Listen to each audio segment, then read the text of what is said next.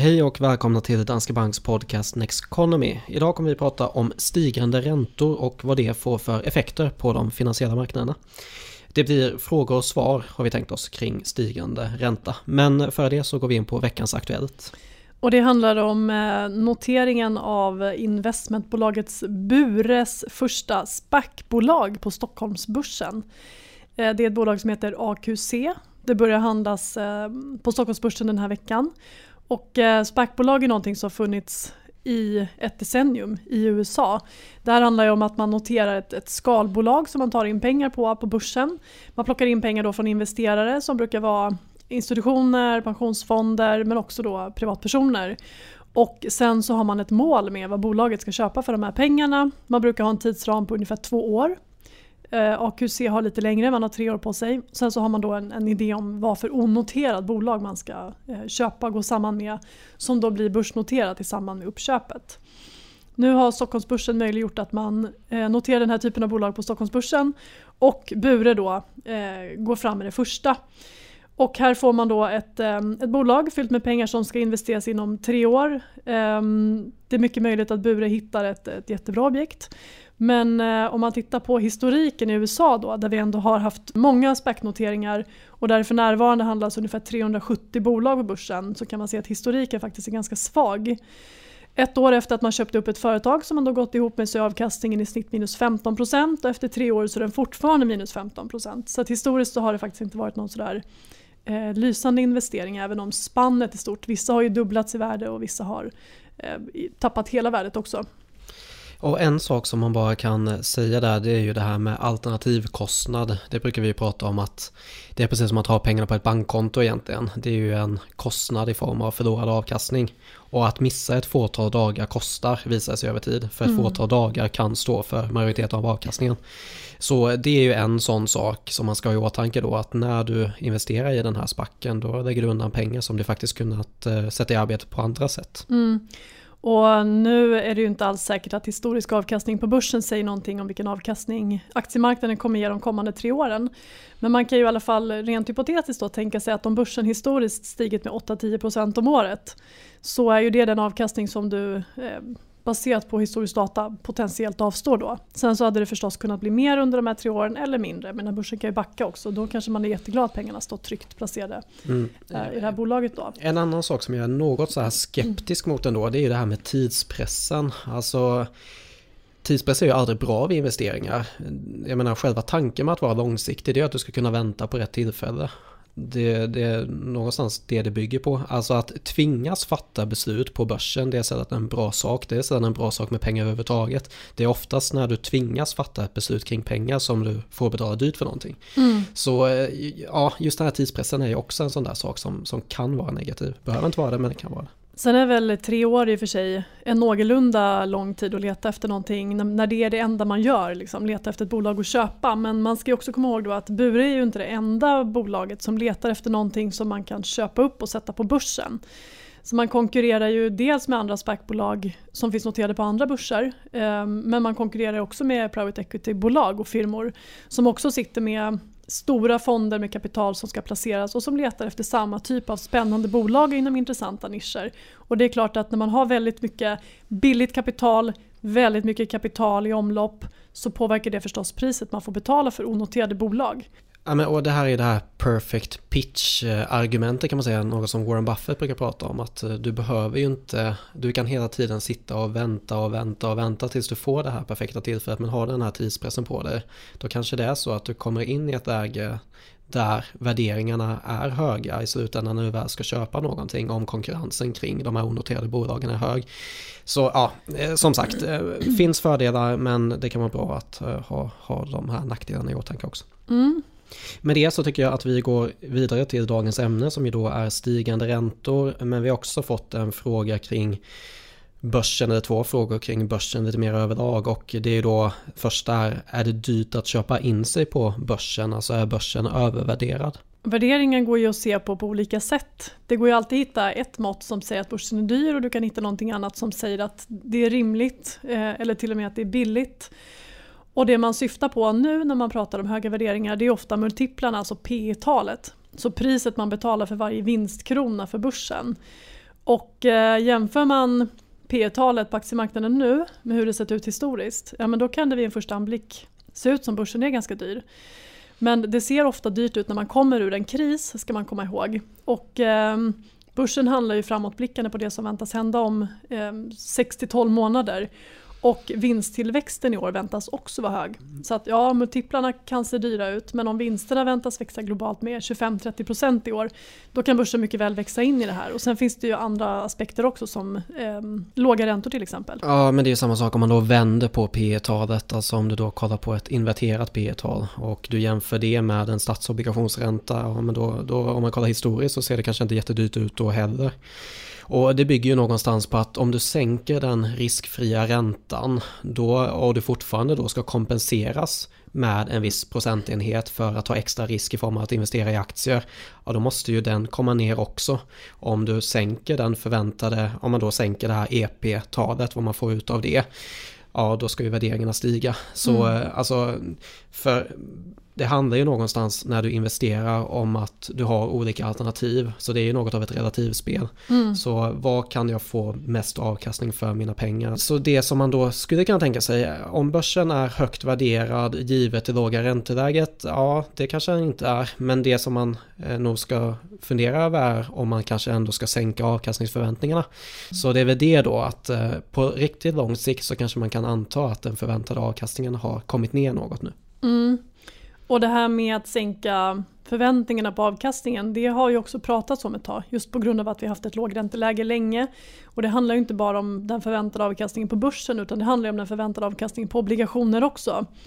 Historiskt så har ju en obligationsportfölj där majoriteten ofta är statsobligationer ändå kunnat ge en löpande avkastning på ett par, tre, fyra, fem procentenheter beroende på hur lång tid tillbaka du tittar.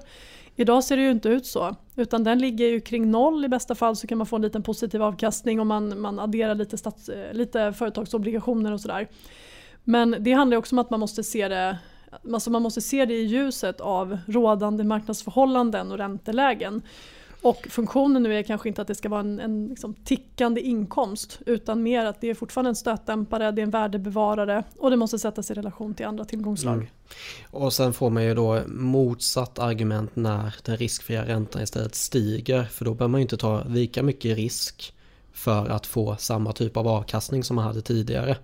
Och då kan ju efterfrågan på de mest riskfria tillgångarna som aktier då minska vilket mm. gör att vilket gör att eh, aktiekurserna går ner. Och det är väl lite det läget vi har befunnit oss i nu då just med de stigande räntorna. Vi återkommer till det. Men eh, vi hade en annan fråga också. Och eh, det handlar om vad tror ni om en eventuell börskorrigering inom det närmsta året? Och jag tänker att vi kan börja med att just definiera vad en korrigering är för något. Det är ju när börsen faller mer än 10% från toppen.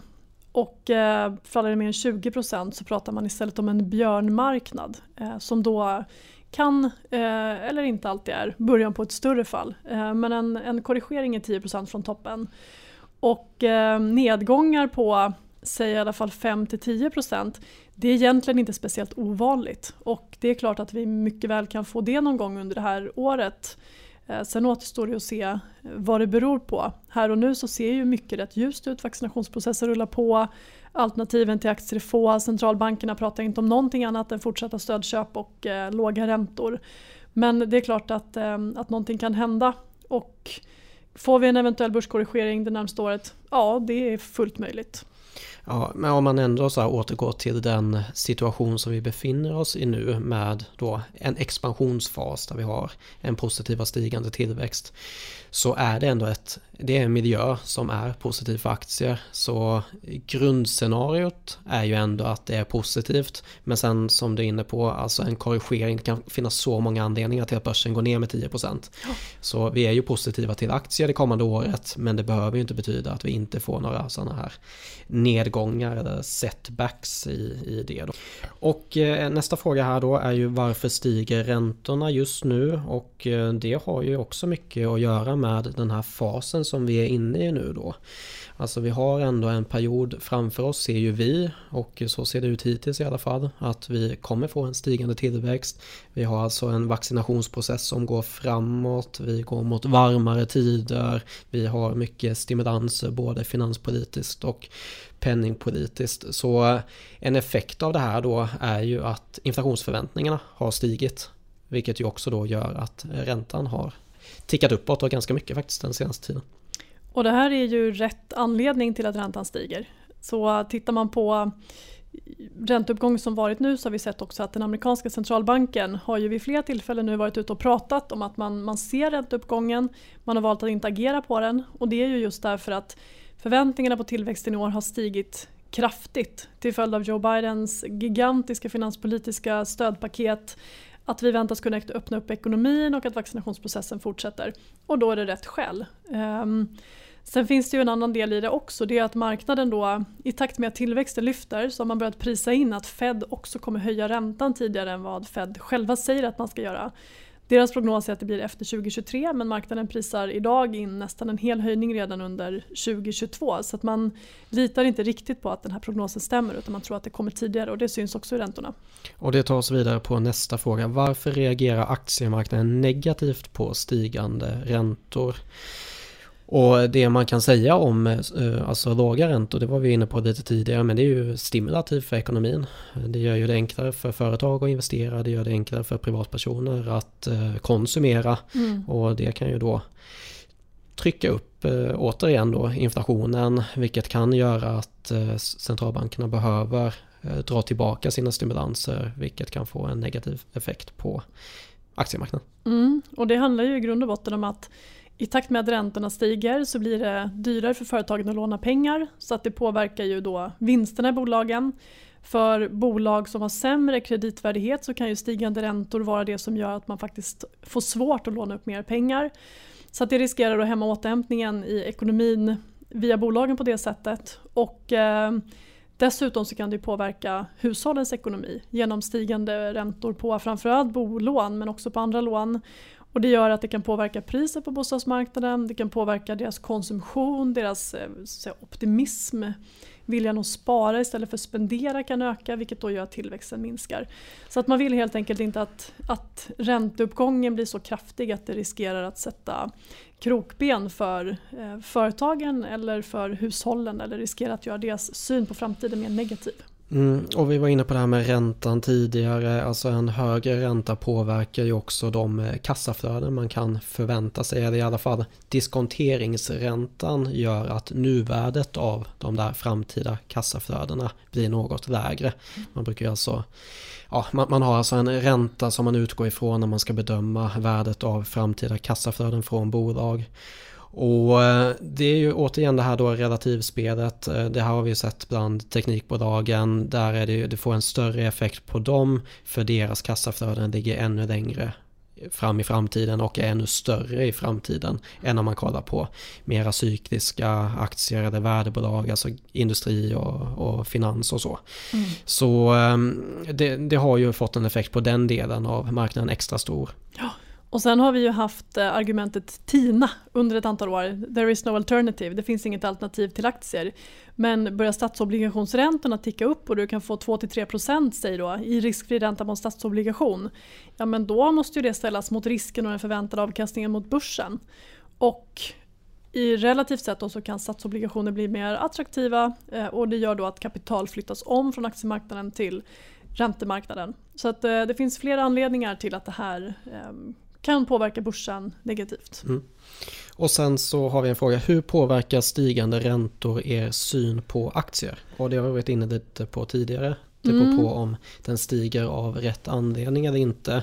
Men jag skulle bara vilja dra ett exempel här från 2018 eh, i december. Då föll börsen ganska kraftigt med nästan 20% i USA i alla fall. Och det var ju mycket på grund av att eh, Fed fortsatte höja räntan trots att tillväxtutsikterna var något sjunkande. Så då hade vi ett fenomen där de korta räntorna steg och de längre räntorna sjönk och det var alltså för att Fed valde att eh, strama åt medan då marknaden förväntade sig en eh, sjunkande tillväxt framöver. Och nu är vi ju i tvärtom scenario kan man säga, så då har vi eh, Fed som fortsätter vara expansiva i det här läget men marknaden förväntar sig en positiv tillväxt och långräntorna stiger som korträntorna. Så förut hade vi ju då nästan en sjunkande räntekurva, nu har vi ju en stigande som mm. det ska se ut eller som det vanligtvis ja. brukar se ut. Och när man kommer in på räntekurvan där så blir det då att Ehm, det, det läge vi hade 2018 det var ju också att de korta räntorna blev ju faktiskt högre än de långa till och med till slut. Precis. Och då blir räntekurvan negativ, den börjar luta neråt och det är ju då ett tecken på att en lågkonjunktur är på gång. Och det har varit en ganska pricksäker lågkonjunkturindikator. Mm. Och det är för vi fick ju faktiskt en lågkonjunktur också fast av ett helt annat skäl än vad vi trodde. Ja, eh, och, nämligen coronakrisen. Ja och det, då är det ju räntemarknaden som prisar in en lågkonjunktur kan man ju säga. Och eh, marknaden tenderar ändå att ha rätt. Alltså ganska ofta och det har ju visat sig vara en pricksäker indikator ja, som du sa. Sen kan man ju i det här fallet frågasätta det lite för att då anledningen till att den prisade inte då var ju eh, Donald Trumps handelskrig. Ja, nu, menar Sen, jag, nu menar jag inte att det blev rätt just den här gången, men jag menar att historiskt, historiskt så har, varit marknaden rätt. varit bra ja. på, och marknaden överlag bra på att prisa in vad som kommer ske framöver. Framförallt räntemarknaden. Ja, man brukar ju säga att räntemarknaden är lite mer intelligent, alltså att de som mm. håller på med räntor, de, de är kanske lite smartare än de som håller på med aktier. De är lite mera... Precis, och lite mer pessimistiska Ja, också. men just det här att de kanske har en mera nyanserad bild. Man är väldigt optimistisk som, eh, som aktieantusiast entusiast. Ja. ja, men precis. Eh, man brukar säga så, och det kanske ligger något i det. Men eh, när det gäller den här stigande räntan och vår syn på aktier så eh, vad gäller de strategier som vi har då så påverkar ju inte det här eh, dem så länge, precis som du säger, så länge inte räntorna stiger av fel skäl. Eh, nu stiger räntorna av rätt skäl, det vill säga tillväxten väntas växla upp, bolagsvinsterna väntas stiga kraftigt i år och det gör att vi ser positivt på börsen. Och när det gäller den här ränteuppgången då så det är normalt att aktiemarknaden reagerar när räntorna stiger så det vi har sett är inte på något sätt någonting konstigt. Och vi tror att om den här ränteuppgången skulle bli så pass stor och gå så snabbt att det riskerar att påverka realekonomin då via räntor i bolagens upplåningskostnader och hushållens kostnader för bolån och så vidare. Då tror vi att centralbankerna och framförallt då eh, Fed som är den stora aktören på marknaden kommer agera. Så att vi tror inte att man låter det gå obemärkt förbi om det riskerar att göra någonting negativt med återhämtningen. Men det ser man inte än så länge. Och det här gör ju att vi eh, känner oss konfidenta med att behålla en överviktig aktier.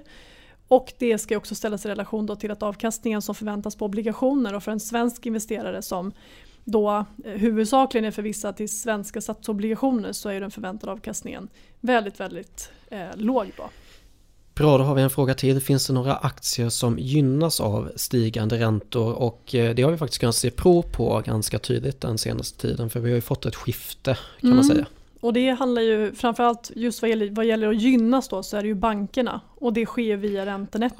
Ja, och sen kan man säga då att banker är ju, om man kollar på indexnivå så är de en ganska stor del av till exempel ett cykliskt index. De är också Som en ganska, Stockholmsbörsen till exempel. Och de är ganska, ganska stor del av ett value-index också. Ja. Och det är ju, alltså vi har ju ändå sett fenomenet att uh, value har gått starkt mot growth den senaste tiden. Även om det inte har varit så på, på, på lång tid. Och samma sak då att cykliskt har gått bättre än defensivt. Mm. Men via räntenettot då så handlar det om att banker de lånar upp kapital på korta löptider, man lånar ut på längre. Så att när långräntor stiger så lånar man fortfarande upp billigt på kort sikt och sen så lånar man ut eh, på, till högre ränta på längre sikt. Så att banker gynnas, men sen så då just vad gäller diskonteringsmodeller och att man då diskonterar framtida förväntade kassaflöden till idag för att få en, eh, så att säga, ett, ett värde på vad man kan betala för ett bolag. Då påverkar det framförallt de här högt värderade tillväxtbolagen medan det i betydligt lägre grad påverkar ett bolag som är så industri, energi, material med mera. Så den typen av värdebolag påverkas ganska lite av stigande räntor. Um, så att värdebolag har gått bra, banker påverkas positivt och det här speglas också i den sektorstrategi vi har där vi har en övervikt i industri, vi har en övervikt i, i material, råvaror eh, men också då i bank sedan en liten tid tillbaka. Mm. Då har vi en sista fråga innan vi går vidare på veckans studie och det är då vad betyder stigande räntor för boräntan? Ja, boräntan påverkas ju av marknadsräntorna så att stigande räntor påverkar ju bostads, eh, bolåneräntorna också uppåt. I det här läget så handlar det ju främst om att det är de längre bindningstiderna som kan påverkas eftersom det är långräntorna som stiger. Och de har ju varit på väldigt låga nivåer Ja, ett men det bra har tag varit. får man ändå säga. Och det har ju varit billigare att binda bolånet, åtminstone om det har man tittat på ett, två, kanske tre år till och med. Exakt. Har Och det det varit lägre kostnad än att ha rörligt. Ja, det är inte så det brukar se ut. Nej, det är ganska ovanligt, men det har ju också speglat hur räntekurvan sett ut på marknaden. Men nu då, räntekurvan brantar, det vill säga långräntorna stiger och eh, det påverkar ju då framförallt långa boräntor. Korta räntor de styrs mycket mer av Riksbankens reporänta, den väntas ju förbli låg under flera år framöver. Och faktum är att sannolikheten för tillfället kanske snarare är lite större för en sänkning av reporäntan än för en höjning då. Och för svensk del så har majoriteten av hushållen rörlig ränta. Så att eh, den ligger nog kvar ungefär eh, så som det sett ut den senaste tiden. Och då är den naturliga frågan till en sparekonom. Ska man försöka tajma det här nu och eh, binda räntorna snabbt här nu innan vi får se ännu mer stigande långräntor? Planerar man att ha, ha rörliga räntor så är det mindre risk att det händer någonting med dem då kanske. Men jag tycker att det där, man måste titta på sin egen situation och marginalen i den ekonomin också. Eh, har man goda marginaler för stigande räntor kanske det inte spelar så stor roll. Men ett sätt att gardera sig också det är att sätta undan en, en räntebuffert. Att, att man tittar på vad skulle det kosta mig om mitt lån kostade 3, 4, 5 procent. Och sen så sätter man undan mellanskillnaden och den kan man ju välja att använda till amorteringar för att få ner bolånet så småningom. Ehm, eller för att ha en, en buffert att ta av om räntorna stiger. Men det, det är individuellt skulle jag vilja säga. Och som sagt traditionellt så har ju svenska hushåll väldigt mycket rörliga bolån, boräntor. Och man brukar ändå se, alltså att binda räntan brukar man ändå se som någon typ av försäkring och en försäkring får man ju betala en premie för. Normalt sett. Inte Så- de senaste åren. Nej exakt, men historiskt har det ändå visat sig att det har varit gynnsamt att inte binda räntan. Alltså Ja men man- historiskt, ja. det har varit väldigt korta perioder. Men då har ju också räntorna varit på väg ner under 30 års tid. Ja. Och så är det ju inte riktigt nu. Jag tror att, alltså det, det är klart att räntorna kan fortsätta ner men det är ju högst osannolikt. Räntorna har sannolikt varit nere och touchat någon typ av botten så att man kommer inte riktigt ha det läget där räntan kan gå från 10 till 5 till 3 till 2 till 1 procent. Så Nej, kommer det inte precis. se ut framåt. Det är bra att du tar det där längre perspektivet där, eh, som jag brukar göra annars. Men, men, men jag tänker, för, jo men du har rätt i det. Alltså man, man har ju en tendens att fokusera på, det är ju den här recency bias då, att man fokuserar på det som har hänt i närtid. Och det där gäller ju för boräntan precis som det gäller för aktiemarknaden. Sjunkande räntor i 30 år gör ju att man har de här tankarna om att... eh, att Det lönar sig aldrig att binda. Exakt. Mm. det, det finns ju någonstans inbyggt i en, precis som det finns inbyggt i en att bostadsmarknaden alltid går upp. Mm, precis. Och att aktiemarknaden alltid går upp. Och bostadsmarknaden har gått väldigt starkt det senaste året. Ja. Man kan ju se hur det där påverkar undersökningar av vad hushållen tror om bostadspriserna. För i ett läge där bostadspriserna har, har sjunkit, nu har inte det hänt så jätteofta, men när bostadspriserna sjunker då tror hushållen att de ska ner. När bostadspriserna stiger, vilket de gjort det senaste året, ett villaprisindex har stigit med 15% och bostadsrätter 5%. Ja men då tror alla, ja inte alla, men då tror en, en majoritet av hushållen att priserna ska fortsätta uppåt. Så att det är väldigt styrande för vart man tror att det är på väg. Ja, exakt. Och samma fenomen gäller på, på aktiemarknaden. Jag brukar prata om en studie från eh, finanskrisen 2008 då det var väldigt tydligt där att eh, för varje månad med positiv avkastning då kollade de skickade ut enkäter till investerare. Och det visade sig tydligt då att då var man mer positiv till att kommande månad också skulle bli bra. Och i månader av sjunkande, alltså när det var som mest extremt och svängde upp och ner så var man då efter en dålig månad så hade man lägre avkastningsförväntningar framöver. Och det är samma sak i toppen av IT-bubblan. Så vet jag att avkastningsförväntningarna framöver var på 15-25% Mm, Alltså, skyhöga. ja, Mm. bland investerare. Så eh, ja, det där är ju verkligen att man fokuserar på det som hänt i närtid och det baserar man då fram kommande beslut på. Eh, vilket man ju inte ska. Se det längre perspektivet. Mm. Bra, med det så går vi vidare till veckans studie. Och den heter Attention Induced Trading and Returns Evidence from Robin Hood Users. Och den är från februari 2021. Och eh, nätmäklaren Robinhood har ju gjort investeringar enkelt för många amerikaner. Eh, Problemet är bara att det är för enkelt. Det visar sig att eh, deras investerare är extra aktiva. Eh, det finns två andra stora nätmäklare i USA. Den ena heter E-Trade, den andra heter Charles Schwab. Och eh, Robinhood-investerarna är då 19 gånger mer aktiva än E-Trade och 40 gånger mer aktiva än Schwab-investerarna. Och dels så har det att göra med att det går väldigt snabbt att göra affärer på Robinhoods plattform eh, och sen också att de visar hellre ett fåtal indikatorer än att visa många som andra nätmarknader gör. Och de visar upp aktierna som har rört sig mest under dagen. Och det här är saker som gör att vi använder system 1 istället för system 2 skriver de i studien då. Mer magkänsla än kritiskt tänkande. Och det är faktiskt mina favoriter som ligger bakom den här studien. Det är alltså Brad Barber och Terence Odin som har gjort den här studien. Eh, de har jag pratat om tidigare för de har i studie på studie visat på fenomenet att ökad aktivitet leder till sämre avkastning. Och jag har väl insett att jag och Robinhood kanske har något skilda åsikter för de tycker att aktiehandel ska vara så roligt som möjligt. Jag tycker att det ska vara så tråkigt som möjligt. De vill gärna att deras kunder ska vara så aktiva som möjligt. Jag vill gärna att man ska vara så inaktiv som möjligt. Man ska vara extremt inaktiv. Man ska helst inte kunna urskilja om en investerare är vid liv eller inte. Då är, man, Nej, då, då är aktivitetsnivån på en bra nivå tycker jag. Eh, och en annan sak från studien då det är att det visar sig att flockbeteende är vanligare bland Robinhoods investerare. 35% av köpen koncentreras i 10 innehav jämfört med 24% för andra småsparare. Och det visar sig också att antalet kunder som köper samma aktie under en dag är större för Robinhood-investerare. Man hakar på aktier som får mycket uppmärksamhet. Och då visade det sig här att de 0,5% mest köpta aktierna varje dag förlorar i genomsnitt 4,7% av sitt värde den kommande månaden. Så flockbeteendet är ingenting som gynnar investerarna heller. Så ja, slutsatsen är egentligen att sättet som de har byggt upp den här plattformen det gör att investerare är mer aktiva och det gör att flockbeteendet blir större så det är ju tyvärr ja. negativt. Och då eh, får jag addera två saker eh, som jag tänker på till det här. För jag har ju tittat lite på hur det ser ut på Robinhoods eh, plattform och pratat om det tidigare också. Och då får man väl se det här som ovetenskapligt resonemang utöver det du hade då. Men det, det man också ser det är att alltså Robinhood har varit väldigt duktig på att spelifiera eh, sin plattform. Till exempel att när du får avslut så det, det plingar och det är stjärnor och du liksom triggar belöningssystemet på ett helt annat sätt. Och på ett sätt som mer liknar ett kasinospel än aktiehandel. Det är inte bara liksom ett avslut som ligger som en rad om du går in på avslutade order. Utan det verkligen det plingar till och händer grejer. Så att det har ju också bidragit säkert till högre aktivitet. Sen har ju Robinhood varit revolutionerande därför att man har haft låga inträdeströsklar. Historiskt så har det varit ganska svårt att börja spara och investera och vara aktiv i USA därför att det har krävt större kapital och det har kostat mer pengar. Men de här eh, Robin Hood har ju haft väldigt låga eh, insättningsgränser så att det har kunnat locka mycket mindre sparare och sen så har man ju haft gratis courtage så du kunnat handla avgiftsfritt.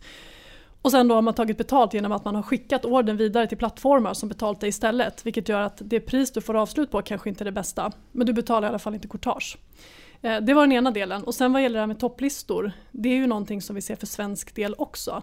Det är ju alltid artiklar, mest köpta och sålda aktier och fonder, nätmarknaden publicerar statistik över året, månadsbasis, vad händer när det rör sig mycket på börsen, vad köper och säljer man? Och det ger ju både artiklar och det ger mer affärer. Det är ett jättebra sätt att generera affärer. Men generellt så kan man väl säga att, eh, att basera sina köp och sälj på vad som poppar upp i din mest köpta och sålda lista, det är, är ju ingen bra idé. Nej, precis. I genomsnitt 4,7% av värdet försvinner den kommande månaden. Det är ganska dåligt får man säga. Exakt. Mm. Bra, då tycker jag att vi avrundar för idag. Ni får jättegärna ställa frågor i vårt frågeformulär som kommer i avsnittsbeskrivningen eller eh, helt enkelt följa oss på Twitter och ställa frågorna där. Utöver det så har vi en nyhetssajt som heter nexteconomy.se. Och där hittar ni både våra poddar, ni hittar filmer, artiklar, nyheter med mera som gäller marknaden och vår investeringsstrategi. Så besök nexteconomy.se. Nästa avsnitt kommer faktiskt nästa vecka för då har vi med oss en gäst. Vem det blir får ni se då. Med det tackar vi för idag. Ha en bra vecka. Tack och hej.